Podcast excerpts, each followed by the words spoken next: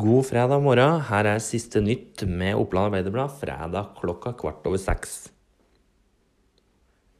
Østre Toten kommune de bruker 1,4 millioner kroner på rådmann Aslaug Dæren, som skal slutte.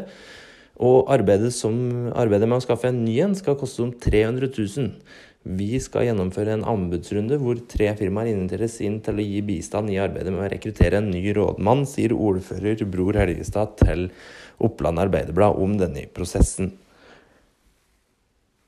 Politiet har blitt bedt om å undersøke om en tidligere leder for ei kjæledyrforening med forgreninger til Innlandet har begått underslag.